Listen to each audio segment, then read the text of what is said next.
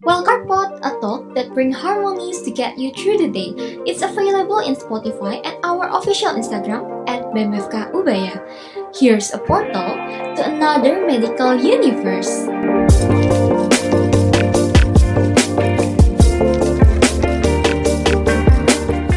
Netizen, balik lagi bersama Harpot BMFK Ubaya. Halo semuanya, apa kabar? Sehat kan? Pastilah sehat. Nah, Ubaya Tizen, kali ini Harpot BMFK Ubaya bakalan masuk ke topik yang sangat penting.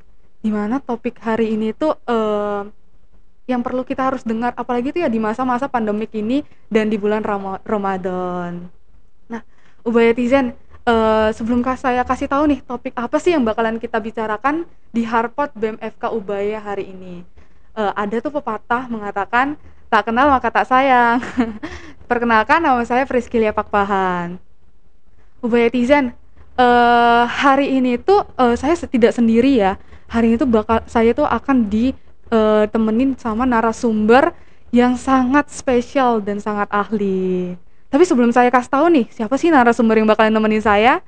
Saya bakalan kasih tahu topik yang bakalan kita bicarakan. Nah, topik yang bakalan kita bicarakan itu uh, bagaimana sih uh, hubungan antara nutrisi dan gizi uh, pada kesehatan kita di bulan Ramadan ini. Nah, topiknya penting banget ya Ubaya Tizen ya. Ya mungkin uh, masyarakat umum yang bakalan dengar Harpot uh, BMFK Ubaya ini mungkin harus dengar karena kita harus ketahui dong apa sih uh, nutrisi dan gizi yang baik pada kesehatan kita di bulan Ramadan ini. Hmm, mungkin Mbak Etizen udah nggak sabar nih, siapa sih narasumber yang bakalan nemenin saya? Mari kita sambut Dr. Heru Wizono, spesialis penyakit dalam Fellow of the Indonesian Society of Internal Medicine, dosen Fakultas Kedokteran Ubaya, dan menjadi koordinator klinik Skill Lab atau CSL Fakultas Kedokteran Ubaya. Halo dokter. Halo, Assalamualaikum. Apa kabar dokter? Kabar Sehat dokter ya. Sehat. Oh, Kalau dari namanya aja kelihatan umurnya ya. Wijono Iya dokter. Iya. nah dokter sebelum kita masuk nih ke topik yang bakalan kita bicarakan pada hari ini, saya pengen nanya dong dokter apa sih kegiatan dokter uh, selama masa pandemik ini? Karena saya lihat ya masa pandemik ini sudah berbeda di tahun-tahun sebelumnya. Apa sih kegiatan dokter? Kegiatannya ya di sini mengajar, habis mengajar diajar. Ya, jadi betul. mahasiswa S3 mm -mm. habis itu ke rumah sakit. Habis itu ya terima konsulan. Oh begitu ya dok ya selamat datang bagi anda yang di kedokteran. Waktu anda tidak akan cukup. Iya dokter baik dokter. Nah saya bakal mulai nih topik yang akan bicarakan. Karena topik yang akan bicarakan ini sangat penting ya dokter ya. Apalagi di bulan Ramadan ini yang mungkin sedang menjalankan puasa ya dokter ya. Karena uh, topik yang kita akan bicarakan tuh apa sih nutrisi dan gizi yang baik pada kesehatan kita. Nah, menurut dokter apa sih pentingnya gizi dan nutrisi pada kesehatan kita, dokter? Iya, ini pertanyaan bagus. Iya, dokter. Kita sudah masuk bulan puasa ketiga sejak pandemi. Ya, benar. Dan pada waktu pandemi awal itu tahun 2020 sempat ada pertanyaan, dok kalau puasa apakah kita tidak menurunkan kondisi uh, imunitas kita, kondisi badan kita. Mm-hmm. Kemudian apakah tidak malah berisiko tertular? Nah ini sebenarnya yang salah besar. Yeah. Sebenarnya uh, kita tinggal mengatur pola saja ya. Kita puasa itu kan mestinya kita makan pagi, siang, sore. Yeah, Nah itu dirubah.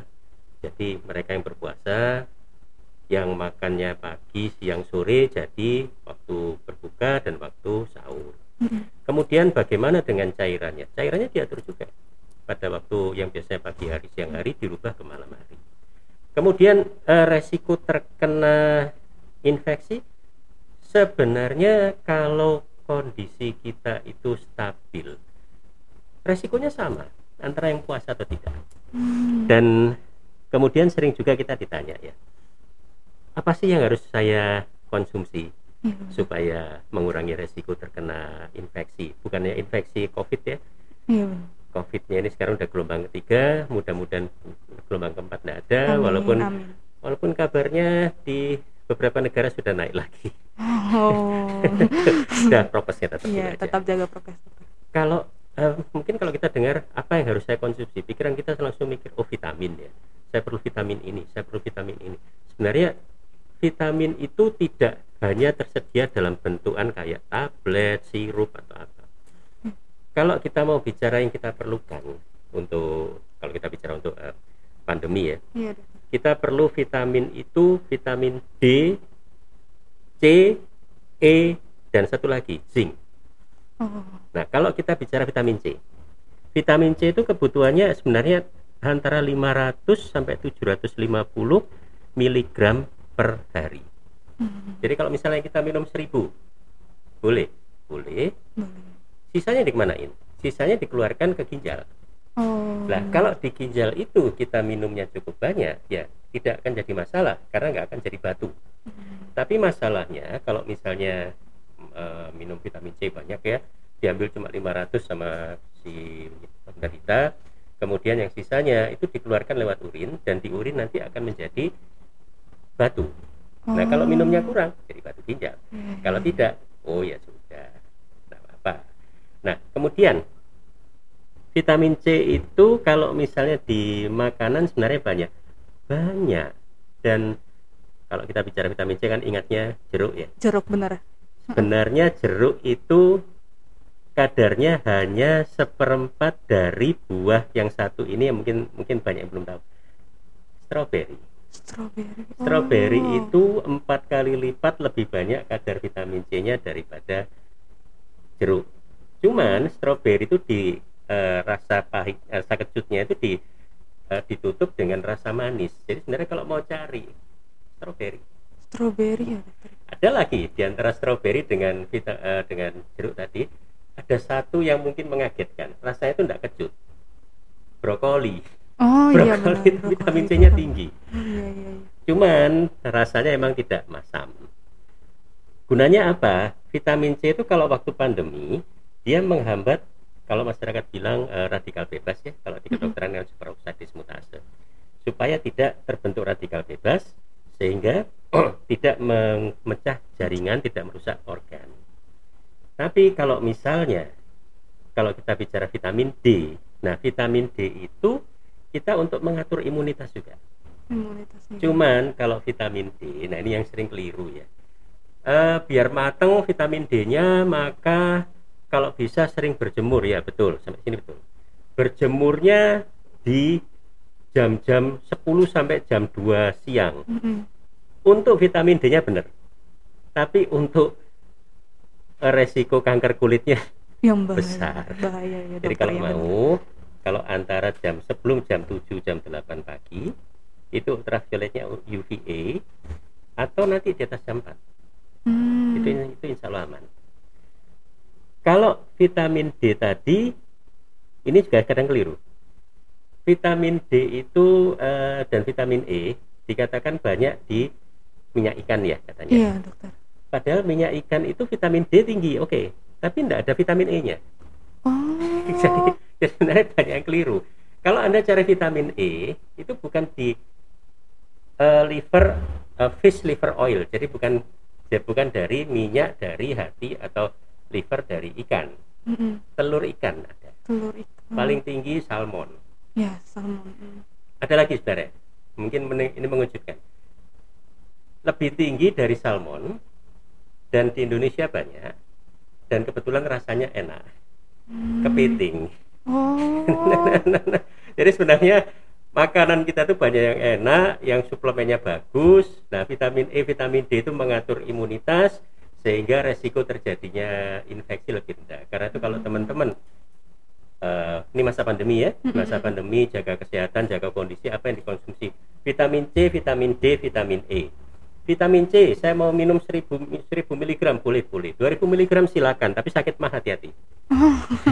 Iya, Nah, iya. kalau misalnya 1000 mg atau lebih, silakan, tapi minumnya harus banyak supaya nggak jadi batu ginjal. Hmm. Kalau di atas itu resikonya adalah ke lambung. Jadi hati-hati kalau ada penyakit lambung. Vitamin D, vitamin E itu penyerapannya terbatas. Jadi kalau sudah cukup, badan ya sudah, dia nyetop, enggak, Hmm. enggak narik lagi. Dan vitamin D dan vitamin E itu masih kita gunakan pada kasus pasien COVID, kasus pasien infeksi, kita berikan vitamin D, vitamin E, dan zinc.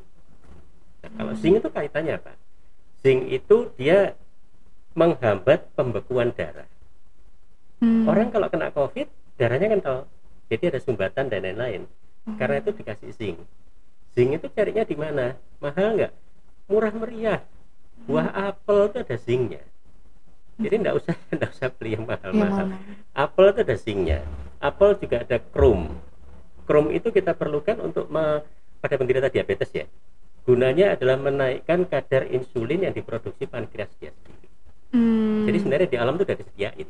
Iya, iya. Kemudian kalau ditanya minumnya bagaimana? Berapa banyak yang saya perlukan? Tergantung.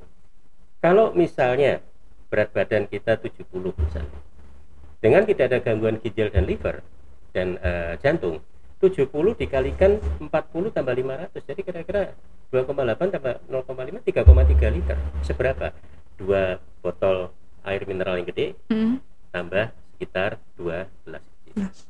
Segitu satu hari. Iya, satu hari Iya. nggak kebanyakan enggak ada sampai keracunan air itu ada ada tapi keracunan keracunan H2O itu kalau minum sampai di atas 10 liter per hari Hmm. sampai umur saya sekian saya belum pernah ketemu orang bisa minum segitu Lebih kita kurang tuh cuma, semua ya, dokter. lambung itu cuma 3 sampai 4 liter ya, Benar, nggak benar, bisa lebih benar. dari itu jadi sebenarnya kalau kita bicara diet itu sampai besok pun bisa selesai di Harvard BMFK ini.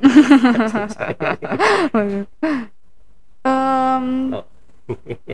Eh, sekarang dokter tadi saya saya udah juga udah dengar ya dokter ya mm, eh, vitamin-vitamin yang bakalan eh, apa sih yang eh, perlu kita konsumsi vitamin-vitamin makanan-makanan yang tadi terkeliru-keliru yang tadi Mm. soalnya vitamin ini makanannya ini. Eh, Hmm. dan jika dokter eh, mungkin ada pertanyaan jika gizi dan nutrisinya itu tidak tercukupi eh, ada nggak ya terpengaruhi terhadap kesehatan kita karena ini juga nih bulan puasa Hmm. mungkin makanan mereka tidak tercukupi nih gizi dan nutrisinya Hmm. mungkin eh, gimana tuh dokter pengaruhnya tuh dokter terhadap kesehatan seperti yang mungkin tadi ada asam lambung atau mungkin penyakit lainnya dokter Mm-mm. Sebenarnya sih kalau misalnya dalam kondisi eh, kita sehat, apa yang kita makan asal kita seimbang kan dulu bilang empat sehat lima sempurna ya. Mm-mm. Kalau itu sudah tercukupi, sudah kita nggak perlu nggak perlu lagi. Mm-mm. Cuman dalam masa kondisi pandemi begini, kita perlu asupan vitamin D, vitamin eh, maaf vitamin D dan zinc. Hmm. Kalau vitamin C perlu enggak? Vitamin C konsumsi tiap hari silakan. Tapi yang utama dalam kondisi pandemi ini D dan E, eh, D dan zinc. Kemudian kalau misalnya kapan sih kondisinya kita harus eh, butuh tambahan vitamin? Kalau kita lagi sakit. Kalau kita lagi sakit, nah kita kasih, kita tambahin. Nah vitamin D, vitamin E dan vitamin A juga dan vitamin K, dia tidak bisa diserap lebih di saluran cerna kita. Kalau jumlahnya sudah cukup.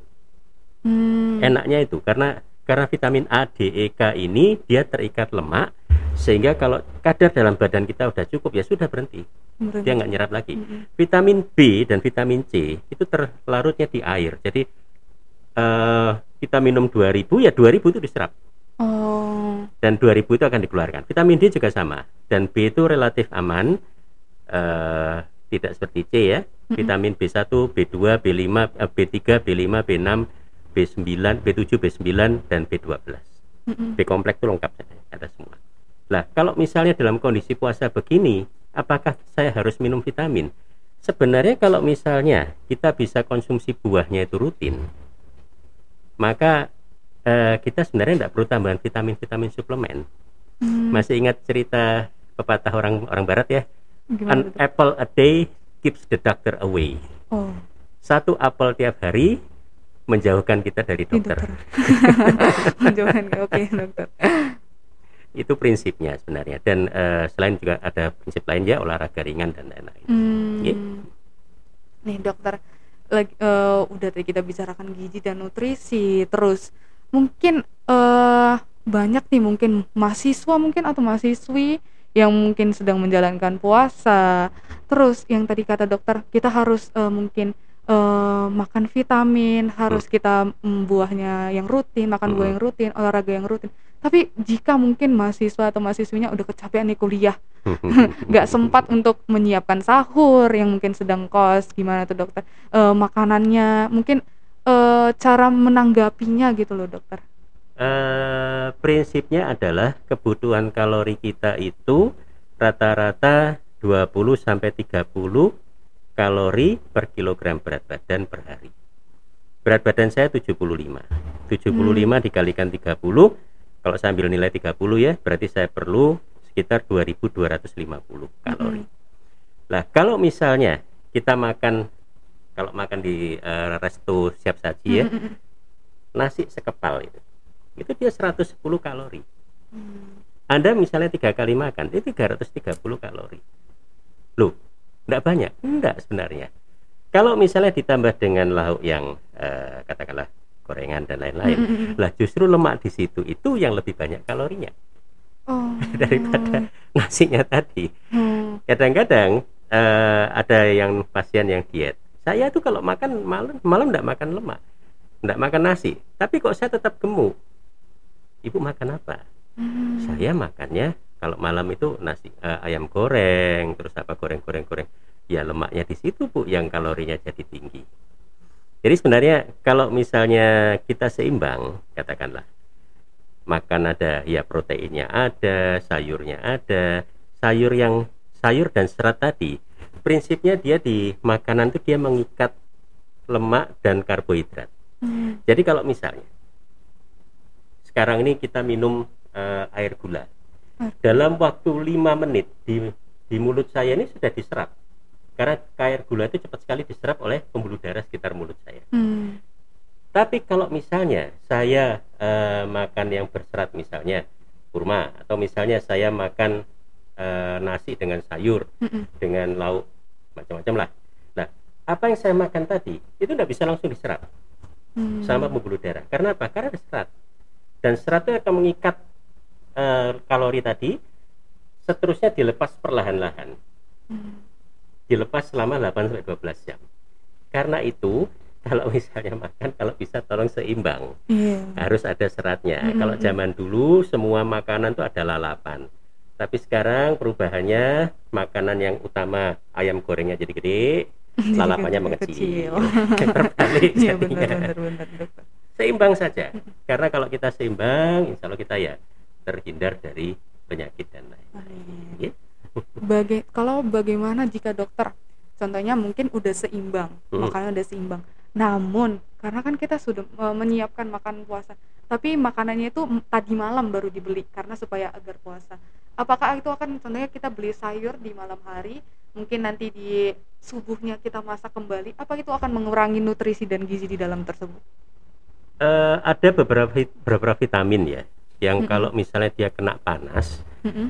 itu malah justru dia terurai jadi tidak terbentuk lagi Oh. vitamin A C dan E itu Hmm. kalau misalnya kita eh, panaskan maka dia akan hilang dan eh, terurai contoh seperti tomat ya Mm-mm. Tomat itu kalau misalnya kita makan mentah, dia ada vitamin A, C, dan E-nya tinggi sekali. Hmm. Tapi kalau dia ke- sudah kena panas, maka vitamin 3 ini akan terurai. Nggak ada lagi sudah. Oh. Cuman justru ini menariknya, timbul zat baru yang namanya likopen. Likopen ini eh, sifatnya menghambat superoksida dismutase, jadi dia menghambat radikal bebas Hmm. pada pasien-pasien yang eh, tiap laki-laki mesti kena prostat ya pada akhirnya Hmm, nanti. iya. Mereka yang kena prostat disarankan perbanyaki likopin. Likopin itu adanya di mana? Di tomat, tapi tomat yang direbus. Oh. Sehingga kalau misalnya kita mencari eh, vitamin di sayuran yang kita rebus, kebanyakan tidak ada. Hmm. Karena udah terurai. Karena itu tetap setelah sayur ada buah. Hmm, iya, iya, iya, iya, benar dokter. Lah kalau buahnya dimasak ya hilang, Oh, vitaminnya hilang. Jadi dia mending mentah gitu loh. Ya, dicuci tapi gitu. dicuci. Iya, dicuci ya, dokter. Ya.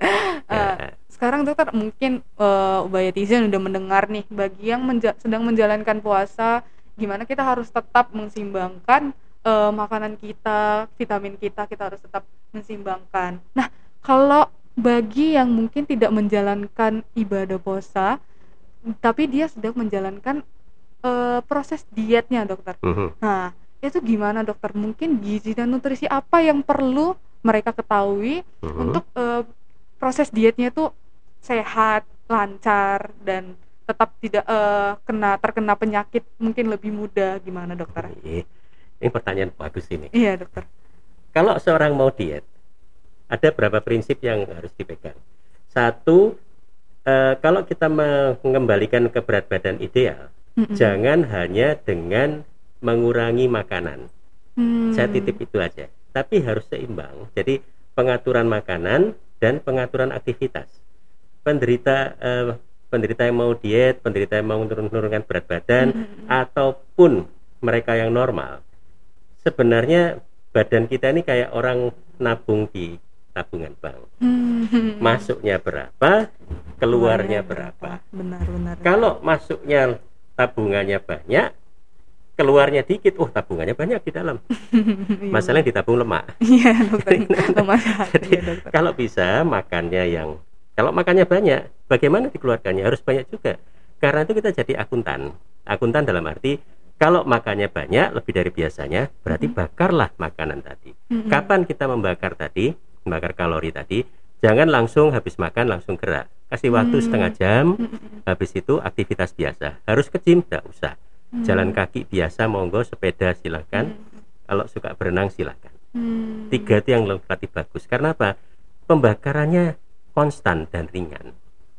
Kedua, kalau mau eh, menurun, me- mengidealkan berat badan, tolong makanannya tetap, tapi banyakin aja sar- eh, seratnya.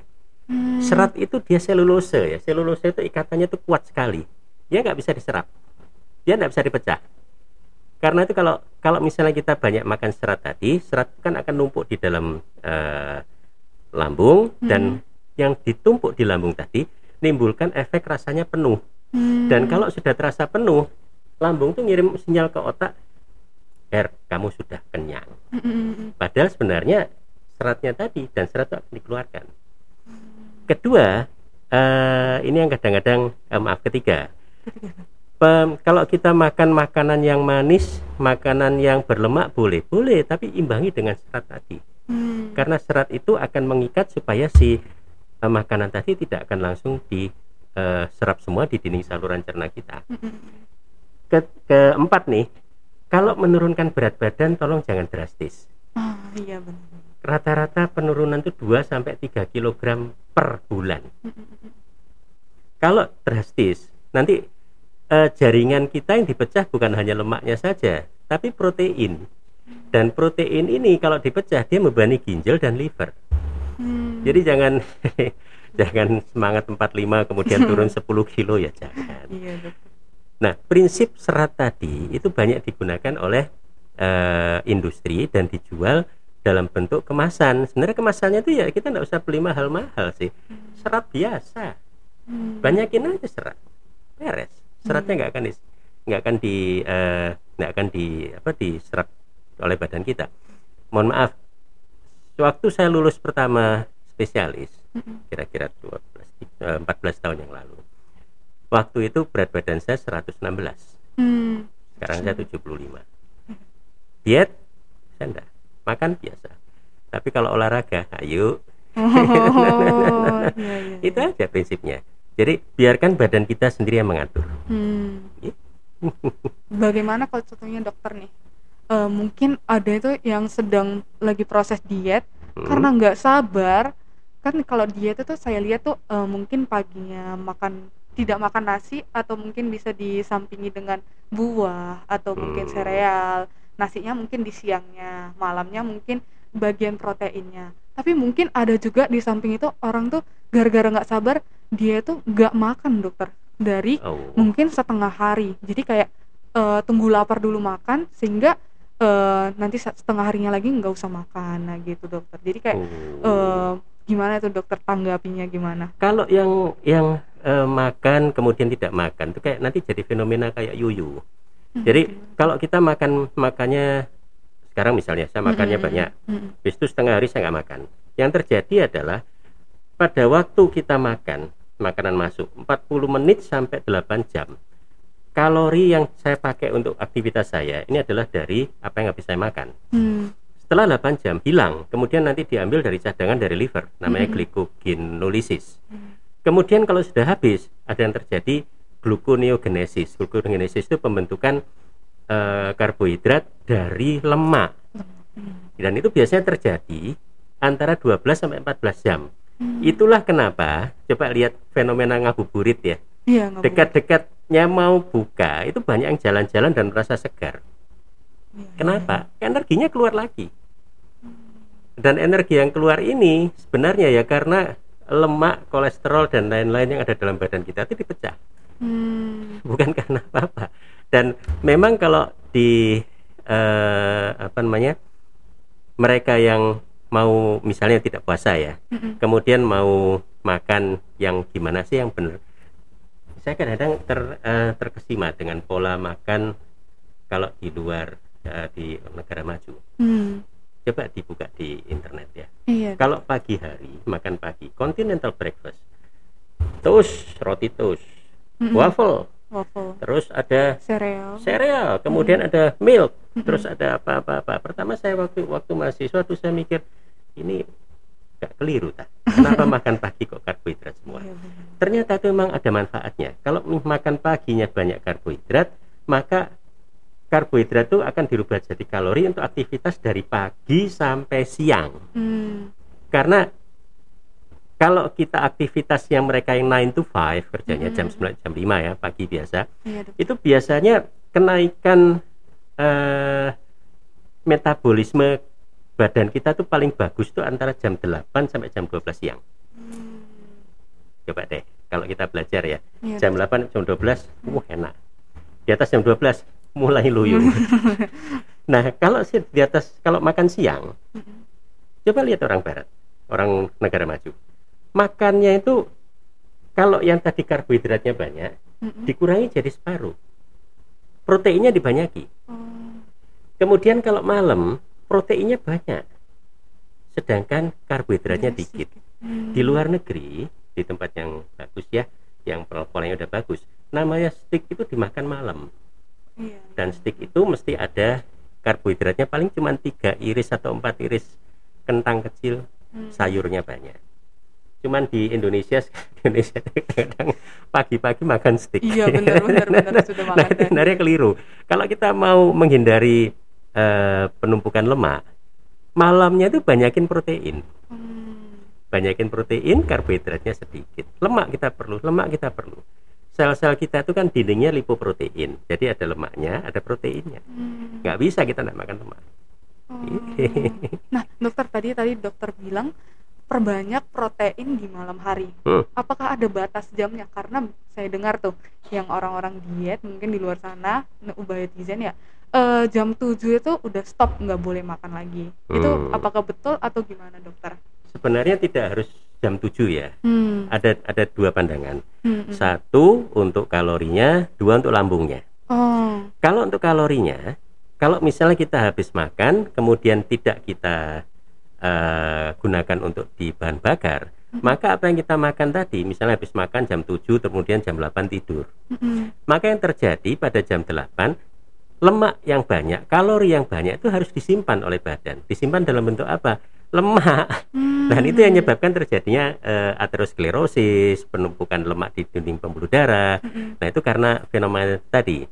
Kemudian kalau dilihat dari sisi penyakit lambung termasuk lambung ini sebenarnya banyak yang tanya nih kenapa Mhm. sih pada pada waktu puasa boleh nggak penderita lambung puasa? Nanti Mhm. kalau boleh kita Iya, iya, diskusiin. Dokter. nah kalau misalnya kita habis makan makanan masuk asam lambung tinggi Hmm. asam lambung yang tinggi itu sebagian dile- dilepas jadi gas nah gas ini mendesak ke lambung Hmm, ke namanya gas dia cari tempat di atas ya hmm, di atasnya lambung ini ada jantung ada paru dia mau ke kanan ada liver nggak bisa hmm. kiri ada limpa nggak bisa bawah pankreas belakang tulang Hmm. jadi paling gampang dia ke mana dia ke atas Ke atas, iya. akhirnya kadang-kadang pasien jadinya Sesak. eh, sesak dan Mm. sendawa Iya, kita betul. bilang gastroesophageal reflux Mm. itu nah sehingga kalau misalnya habis makan malam tolong tiga jam baru tidur Oh iya iya iya iya. iya. Banyak. jadi lihatnya dari sisi lambung dan Mhm. sisi eh, kalori tadi Hmm. Ye. Nah, dokter sekarang saya tadi udah dengar gimana pokoknya eh, bagi ubahetizen yang mungkin sedang menjalankan eh, proses dietnya mungkin eh, tadi yang sudah dokter bilang gimana kita harus menyeimbangkan gizi dan nutrisinya seperti yang mungkin eh, yang tadi kita mengikuti gimana orang barat yang di luar sana yang mungkin eh jangan terlalu gara-gara pengen semangat semangat 45 ya dokter ya. Pengen dietnya supaya turun berat badannya turun jangan jangan sampai tidak makan tapi tetap menyeimbangkan makanan kita gizi kita nutrisi kita. Nah bagaimana kalau dokter gini eh, mungkin dia sudah menjalankan proses eh, dietnya sudah baik. Tapi namun di tengah jalan eh, karena ada penyakit asam lambung yang tadi dokter bilang. Mm-mm. itu gimana dokter? Padahal mungkin eh, dia sudah menjalankan proses dietnya itu sudah baik. Cuman gara-gara ada asam lambungnya mungkin juga yang bagi yang menjalankan puasa. Gimana dokter? Ini pertanyaan bagus lagi nih. Lambung itu asamnya dibentuk bukan hanya dari adanya makanan atau kurangnya makanan. Mm. Faktornya ada tiga. Satu dari eh, namanya H2 reseptor, satu enasilkolin, satu lagi gastrin. Nah, enasilkolin ini secara, secara otonom dia dipengaruhi oleh dari pikiran kita karena sebenarnya mereka yang ya ya biasalah kalau mau skripsi, mau tesis, mau disertasi, lambung itu kumat ya biasa. Kemudian kalau dari H2 dan gastrin itu dipacu oleh makanan. Jadi kalau makanan kita ada makanan yang masuk, itu secara tidak langsung dia merangsang pembentukan asam lambung. Kalau pembentukan asam lambungnya kebanyakan, kita bantu dengan obat ya proton mambidipitor namanya, lah, Hmm. generiknya lansoprazol Hmm. dan lain-lain. Tapi sebenarnya bisa loh dihindari. Lambung itu sebenarnya asamnya itu naik terjadi pada pada empat kali sehari. Pada Hmm. mereka yang makan rutin tiga kali. Makan pagi karena ada makanan masuk, Mm-mm. makan siang, makan malam, dan satu lagi pada waktu dekat-dekat subuh, dekat-dekat jam-jam 3, jam 4, Mm. itu asam lambung itu naik. Mm. Nah, ini kenapa? Karena kalau kita kembali ke eh, kedokteran ya. Pada waktu jam-jam 3 jam 4 itu terjadi kenaikan hormon eh, maaf, hormon kortisol kita itu paling rendah. Mm. Hormon kortisol itu menyebabkan kita jadinya aware, kita jadinya seger, saya bisa di sini saya bisa ngomong-ngomong gini karena apa? Kortisol saya masih cukup tinggi. Tapi sebenarnya lebih tinggi terjadi pada jam 8 pagi sampai jam 12 tadi karena itu jam-jam itu jam-jam paling segar. Ada jam yang paling rendah kortisolnya yaitu jam 3 kadang-kadang ada yang minta jam 2 sampai jam 4 pagi karena itu manusia sebenarnya paling lemah itu pada jam-jam itu Mm. itulah kenapa maling kalau datang kan jam Iya 2 sampai selalu jam 4 subuh ya ya, subuh subuh gitu benar-benar. mereka nggak tahu belajar dari mana ya. Iya benar. lah jadi kalau misalnya pada mereka yang mau puasa Mm-mm. kan disarankan mendekatkan sahurnya dan Mm. mempercepat buka Oh. Terus secara fisiologis eh, dari saya waktu mahasiswa saya mikir kenapa sih kok begini? Ternyata dihubungkan tuh salah satunya pada jam-jam itu tadi asam lambungnya naik, kortisolnya turun sehingga kalau diisi dengan makanan yang secukupnya maka asam lambungnya jadinya terdilusi, Hmm. ternetralisir. Mm-mm. Kemudian mempercepat buka. Engkau. Dulu, nah apa sih kenapa harus cepat? Kenapa kok enggak? Mm-mm. Kok enggak eh, boleh misalnya jam-jam agak agak lama kenapa enggak boleh? Ternyata kalau misalnya lebih dari 14 jam di daerah kita yang dipecah sudah bukan lemak lagi tapi protein badan Oh. dan kalau protein kan tidak baik Mm-mm, iya benar. Nah, kapan tuh ada ada pasien saya guru besar farmasi di Airlangga nah dia menyangga bagaimana dengan mereka yang perlu itu kan puasa di Indonesia Iya 14 dokter. jam lah puasa di Rusia itu 20 jam Oh lebih panjang. Nah, kenapa kok di sana lebih panjang karena apa karena mataharinya kan mengikuti matahari mm. Nah, kenapa kok begitu? Terus bagaimana dengan fenomena tadi?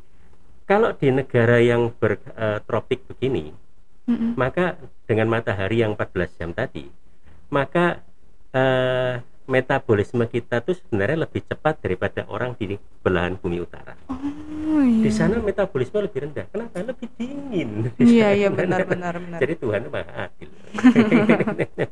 benar benar dokter. Jadi kalau memang penyakit lambung satu, silakan Anda puasa. Hmm. Tapi aturlah obatnya dan kalau boleh siapkan obat untuk pengaturan asam lambung.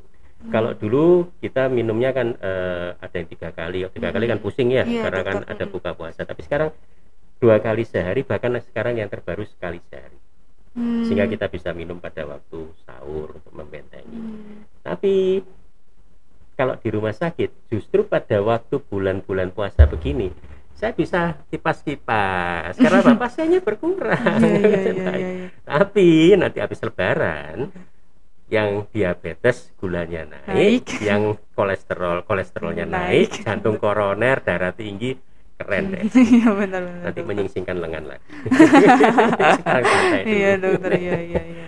Eh, kalau tadi dokter untuk yang eh, menjalankan ibadah puasanya, Mm-mm. sedangkan kalau yang menjalankan dietnya, kalau dia sedang tiba-tiba eh, asam lambung, dia langsung stop dietnya atau tetap lanjut atau eh, bagaimana dokter? Atau ada yang harus ditambahin, ada yang dikurangin, bagaimana Hmm, dokter? kita kembali kenapa kok dia sakit lambungnya Ah, sakit iya, lambungnya itu bisa satu apakah karena perutnya kosong Hmm. yang berkepanjangan bisa atau mungkin pola makannya sudah benar teratur tapi suatu ketika kok lihat oh kok enak ya pedes ya lomboknya Mm-mm. levelnya levelnya 20 nah ya ya bisa juga karena spicy food Hmm. bisa juga karena eh, penyebab yang lain tadi asilkolin ya Hmm, hmm, hmm. dari saraf otonom karena stres Hmm, iya iya iya. iya. jadi kalau kalau memang ada seorang eh, pasien dengan dengan penyakit lambung, kemudian eh, setelah diet kok enak, tahu-tahu kok Mm-mm. sakitnya keluar, lah itu kita lihatnya jangan diejawantahkan, jangan digeneralisir. Hmm. Yuk kita lihat satu persatu. Penderita ini kenapa? Habis makan apa? Apa yang terjadi sebelumnya? Hmm. Kalau misalnya katakanlah eh, misalnya dua kali dua eh, ma- maaf lambung itu terisi elegan itu 2 sampai 6 jam itu sudah kosong mestinya. Hmm. 2 jam sampai 6 jam itu kosong dan lambung kita itu kalau dia kosong itu 75 cc. 75 cc itu paling kalau gelas air mineral itu ya sepertiganya. Hmm, hmm. Nah, itu kosong. Kalau dia terisi dengan elegan, jadi dia tidak tidak mendesak sekitarnya dan tidak merepotkan si yang punya lambung, itu kira-kira 750 cc. Oh. Tiga gelas air mineral Anda tumpuk. Nah, tapi tiga ini terbagi, ini gas, ini cairan, ini benda padat. Hmm, hmm. Kalau dipaksakan lagi bisa, bisa. Hmm. 3 liter, 3000 cc, 4000 cc bisa. Hmm. Tapi sudah tidak nyaman. Karena apa? Dia mendesak organ sekitarnya. Hmm. Karena itu sampai sekarang saya belum pernah bisa ketemu orang yang bisa minum 10 liter paling kurangnya ya dokter ya Iya, berkurang bisa. ya, iya benar Iya, jadi pengaturannya saja. Iya. Eh, kalau bagaimana dokter tadi udah penyakit lambung yang gara-gara mungkin dia menjalankan puasa menjalankan eh, dietnya tapi tetap kita juga harus eh, tadi kata dokter eh, mengoptimalkan supaya netral gitu ya kan Hmm. dokter benar kan Hmm. bagaimana kalau dokter yang menjalankan dietnya menggunakan mungkin eh, komponen-komponen seperti susu saya tahu itu dokter yang Hmm. mungkin untuk menurunkan berat badannya lebih cepat jadi tanpa dia mungkin makanannya dikurangin tapi dia juga menambahkan komponen itu gizi dan nutrisinya di dalam tersebut itu gimana tuh dokter Eh, kalau misalnya dia merubah pola pola makannya jadi lebih banyak ke susu, hmm. satu cairan mungkin cukup, dua kalorinya malah mungkin bisa agak lebih, Mm-mm. Hmm. ketiga seratnya juga tidak banyak. Mm-mm. Kemudian kalau tergantung susunya apa ya. Kalau full cream ya kita bicara lemaknya tinggi. Kalau kita pakai yang delay ya, kedelai itu dia tidak mengandung kolesterol tapi fitosterol. Hmm. Nah, cuman kalau kalau untuk keseimbangan kalori, serat dan lain-lain kalau hanya dengan minum saja susu saja kurang. Tidak bagus Hmm. nggak pas karena mohon maaf ini kita bisa ke mohon maaf kalau ke belakang ya buang Hmm. air besar rutin itu karena ada tiga hal yang terpenuhi satu cairan cukup oke tadi yang minum susu mungkin cukup ya Mm-mm. dua gerak dari otot paha ini yang rutin karena menggerakkan otot dasar panggul bisa pada mereka yang olahraga tapi yang faktor ketiga ini faktor serat lah kalau seratnya kurang dan susu itu kan seratnya kurang sebenarnya Iya. ya tidak banyak nih memang sekarang ada produk yang katanya di dalamnya itu ada serat tapi seratnya juga tidak akan banyak Hmm. dan itu eh, akibatnya kadang-kadang mereka yang demikian jadi susah ke belakang Hmm. Kadang eh, kalau pada pasien yang demikian nah ini ini sekali lagi kalau kita nggak ada pasien kan kita interpersonal ya satu-satu Iya, dokter. jadi Oh. saya tidak bisa nyamakan si A si, Si B, B, si C tidak bisa Hmm. kalau misalnya saya tidak bisa dok saya harus pakai susu oke kalau gitu anda buat podeng karena dengan buat puding tadi buat agar-agar seratnya ada Oh. susunya gitu. dibuat dipotong dengan begitu anda dapat anda dapat eh, seratnya tadi Hmm. kalau misalnya penderita itu mau dirubah merubah ke katakanlah ya saya tambah dengan serat. Silakan. Bagaimana seratnya? Nah kadang-kadang itulah kadang-kadang kita dengan pasien itu kan 15 sampai 30 menit ya. Nah, nah, nah, nah, cuma 2 menit 3 menit. Dokter. tapi agak lama. Karena apa? Kita melihat contoh pasien saya ada satu. Dia mau merubah pola makannya dia tetap ingin menggunakan susu Mm-mm. tapi dia mau merubah dengan serat. Gimana dok ya caranya? Ya sudah sering-sering buat bubur kacang hijau Oh, beres. Oh, ya iya. jadi jadi jadi dokter itu kadang ya detektif ya. Iya dokter dokter. Tadi Menarik. uh-uh. kalau tentang kalau contohnya obat kayak tablet untuk penurun diet itu gimana dokter? Ada sebenarnya. Itu- ada. Golongannya Orlistat itu ada.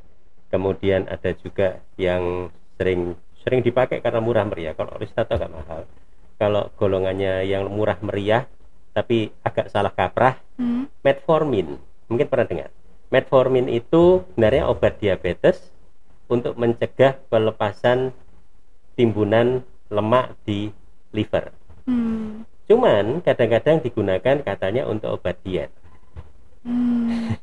itu perbedaannya dengan yang kita makan eh, yang gizi nutrisinya yang seimbang dengan obat tablet yang gizi nutrisinya itu perbedaannya gimana tuh dokter? Apa kandungan-kandungan di dalamnya gizi nutrisi di dalam eh, obat tersebut dokter?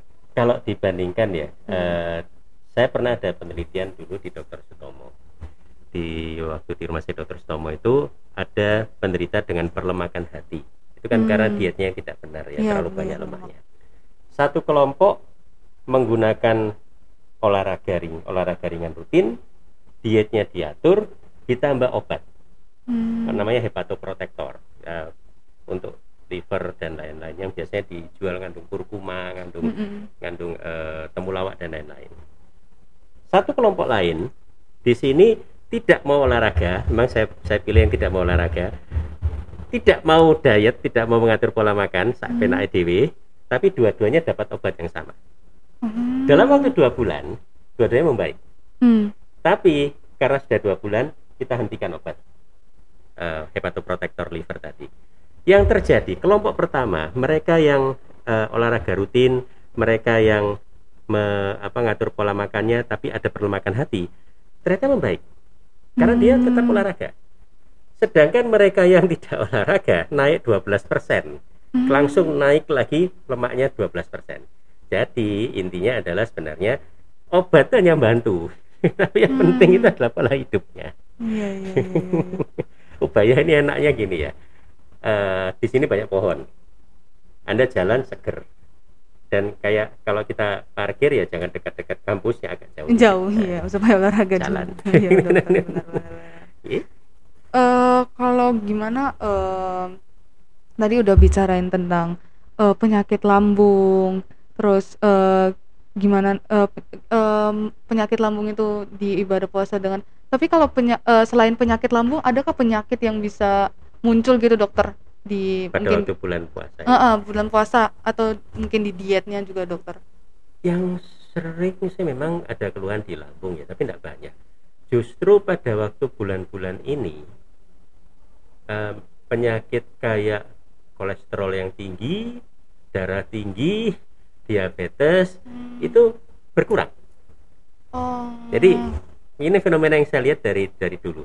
Mendekati kalau udah bulan puasa itu enak. Jadi kita saya bisa nge- ngerjakan materi kuliah, saya bisa ngerjakan disertasi saya, saya bisa Hmm. lain-lain lain saya nyantai. Karena apa? Pasien berkurang. Karena membaik. Tapi nanti kalau sudah lebaran, Mm-mm. balas dendam.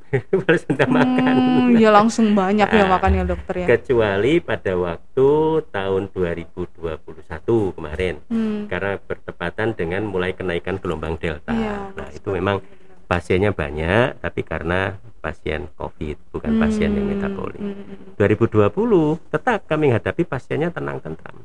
Oh. Dan mudah-mudahan 2022 ini Amin, kok mudah-mudahan tenang. Amin, Cuman amin. Ya kita tetap prokes ya. Tetap soalnya prokes betul. soalnya berapa negara kok naik ini? Oh, tapi kalau Indonesia tetap ya dokter gitu. Mudah-mudahan Eh, ya. ya. mosok datang lagi. Iya iya dokter. Eh tadi udah bicara gimana penyak eh, tambahan penyakit eh, terus kita bicara gimana diet dan ibadah puasa. Mhm. eh mungkin dokter untuk terakhir mungkin dokter. Eh gizi dan nutrisi yang gimana eh, terakhir dokter gimana eh, untuk menghadapi ubaya tizen eh, dalam eh, ibadah puasanya terakhir ini dokter gimana eh, untuk menyikapi eh, nutrisi dan gizinya sebenarnya puasa itu kan hanya merubah jadwal saja toh. Jadi jadwal makan pagi siang malam dirubah menjadi sore, kemudian agak malam dikit, kemudian pagi. Hmm. Minumnya sama, kebutuhan cairan juga sama, cuma nanti dibagi. Jadi eh, yang sering kita eh, dapati ya, kita jadi agak sedikit lalai dalam arti menjaga kebutuhan cairan kita. Hmm, karena malam saya takut nanti minum banyak saya tidak bisa tidur. Iya, saya harus ke kamar mandi terus. Hmm, nah tapi akibatnya penderita jadinya cairannya berkurang. Padahal pada semua usia pun kita perlu eh, cairannya harus mencukupi kalau nggak mencukupi ya ya yang terjadi Hmm. terutama di ginjal ya Hmm. kasihan ginjal kita nanti intinya pada pada puasa itu kalau caranya benar dan pola pengaturan jadwalnya bagus ya rata-rata enggak, enggak, enggak menimbulkan komplikasi kok Hmm. malah kami terbantu kok dengan puasa ini di rumah sakit Oh, jadi bisa terbantu. santai Tapi nanti setelah udah selesai Ah. ibadah puasa gimana? makanya saya bisa ikut podcast ini kan iya iya iya dokter. Berarti eh, tetap aja tadi eh, bagi yang ubayatizen yang sedang menjalankan ibadah puasanya eh, tentang nutrisi dan gizinya ya itu tadi tetap kita eh, seimbang seimbangin benar seimbangin yang dan juga yang sedang menjalankan dietnya juga ya dokter ya. Hmm. Nah, sama juga itu ya juga de- de- apa nutrisi dan gizinya juga tetap harus seimbang. Hmm. Dokter eh, ini udah nggak terasa kita sudah di pengunjung acara ya dokter ya. Ya. Eh, sebenarnya sih banyak sih yang ingin kita bincang-bincangkan dokter, tapi mungkin nanti di lain waktunya dokter. Nah, tapi sebelum kita mengakhiri eh, acara ini dokter, mungkin ada suatu pemberian dari kita untuk dokter yaitu se- serah terima sertifikat dokter. Wah, Terima kasih, syukur. dokter. ya terima kasih Iya dokter. monggo matur nuwun Terima kasih dokter sudah bincang-bincang. Sama-sama. Terima kasih sudah mungkin mudah-mudahan Ubayatizen dengan topik hari ini di eh, Hotpot BMF Ubaya bisa bermanfaat untuk Ubayatizen dan apa pun yang materi ataupun topik yang tadi sudah dokternya bicarakan kepada kita semoga juga bermanfaat ke Ubayatizen. Nah, teman-teman, kita akan mengakhiri acara Harpot BMFK Ubayanya. Semoga kita bisa eh, bertemu lagi di lain waktu. Dadah. Be- eh, semoga tetap menjaga kesehatan dan jaga prokesnya ya. Sampai jumpa.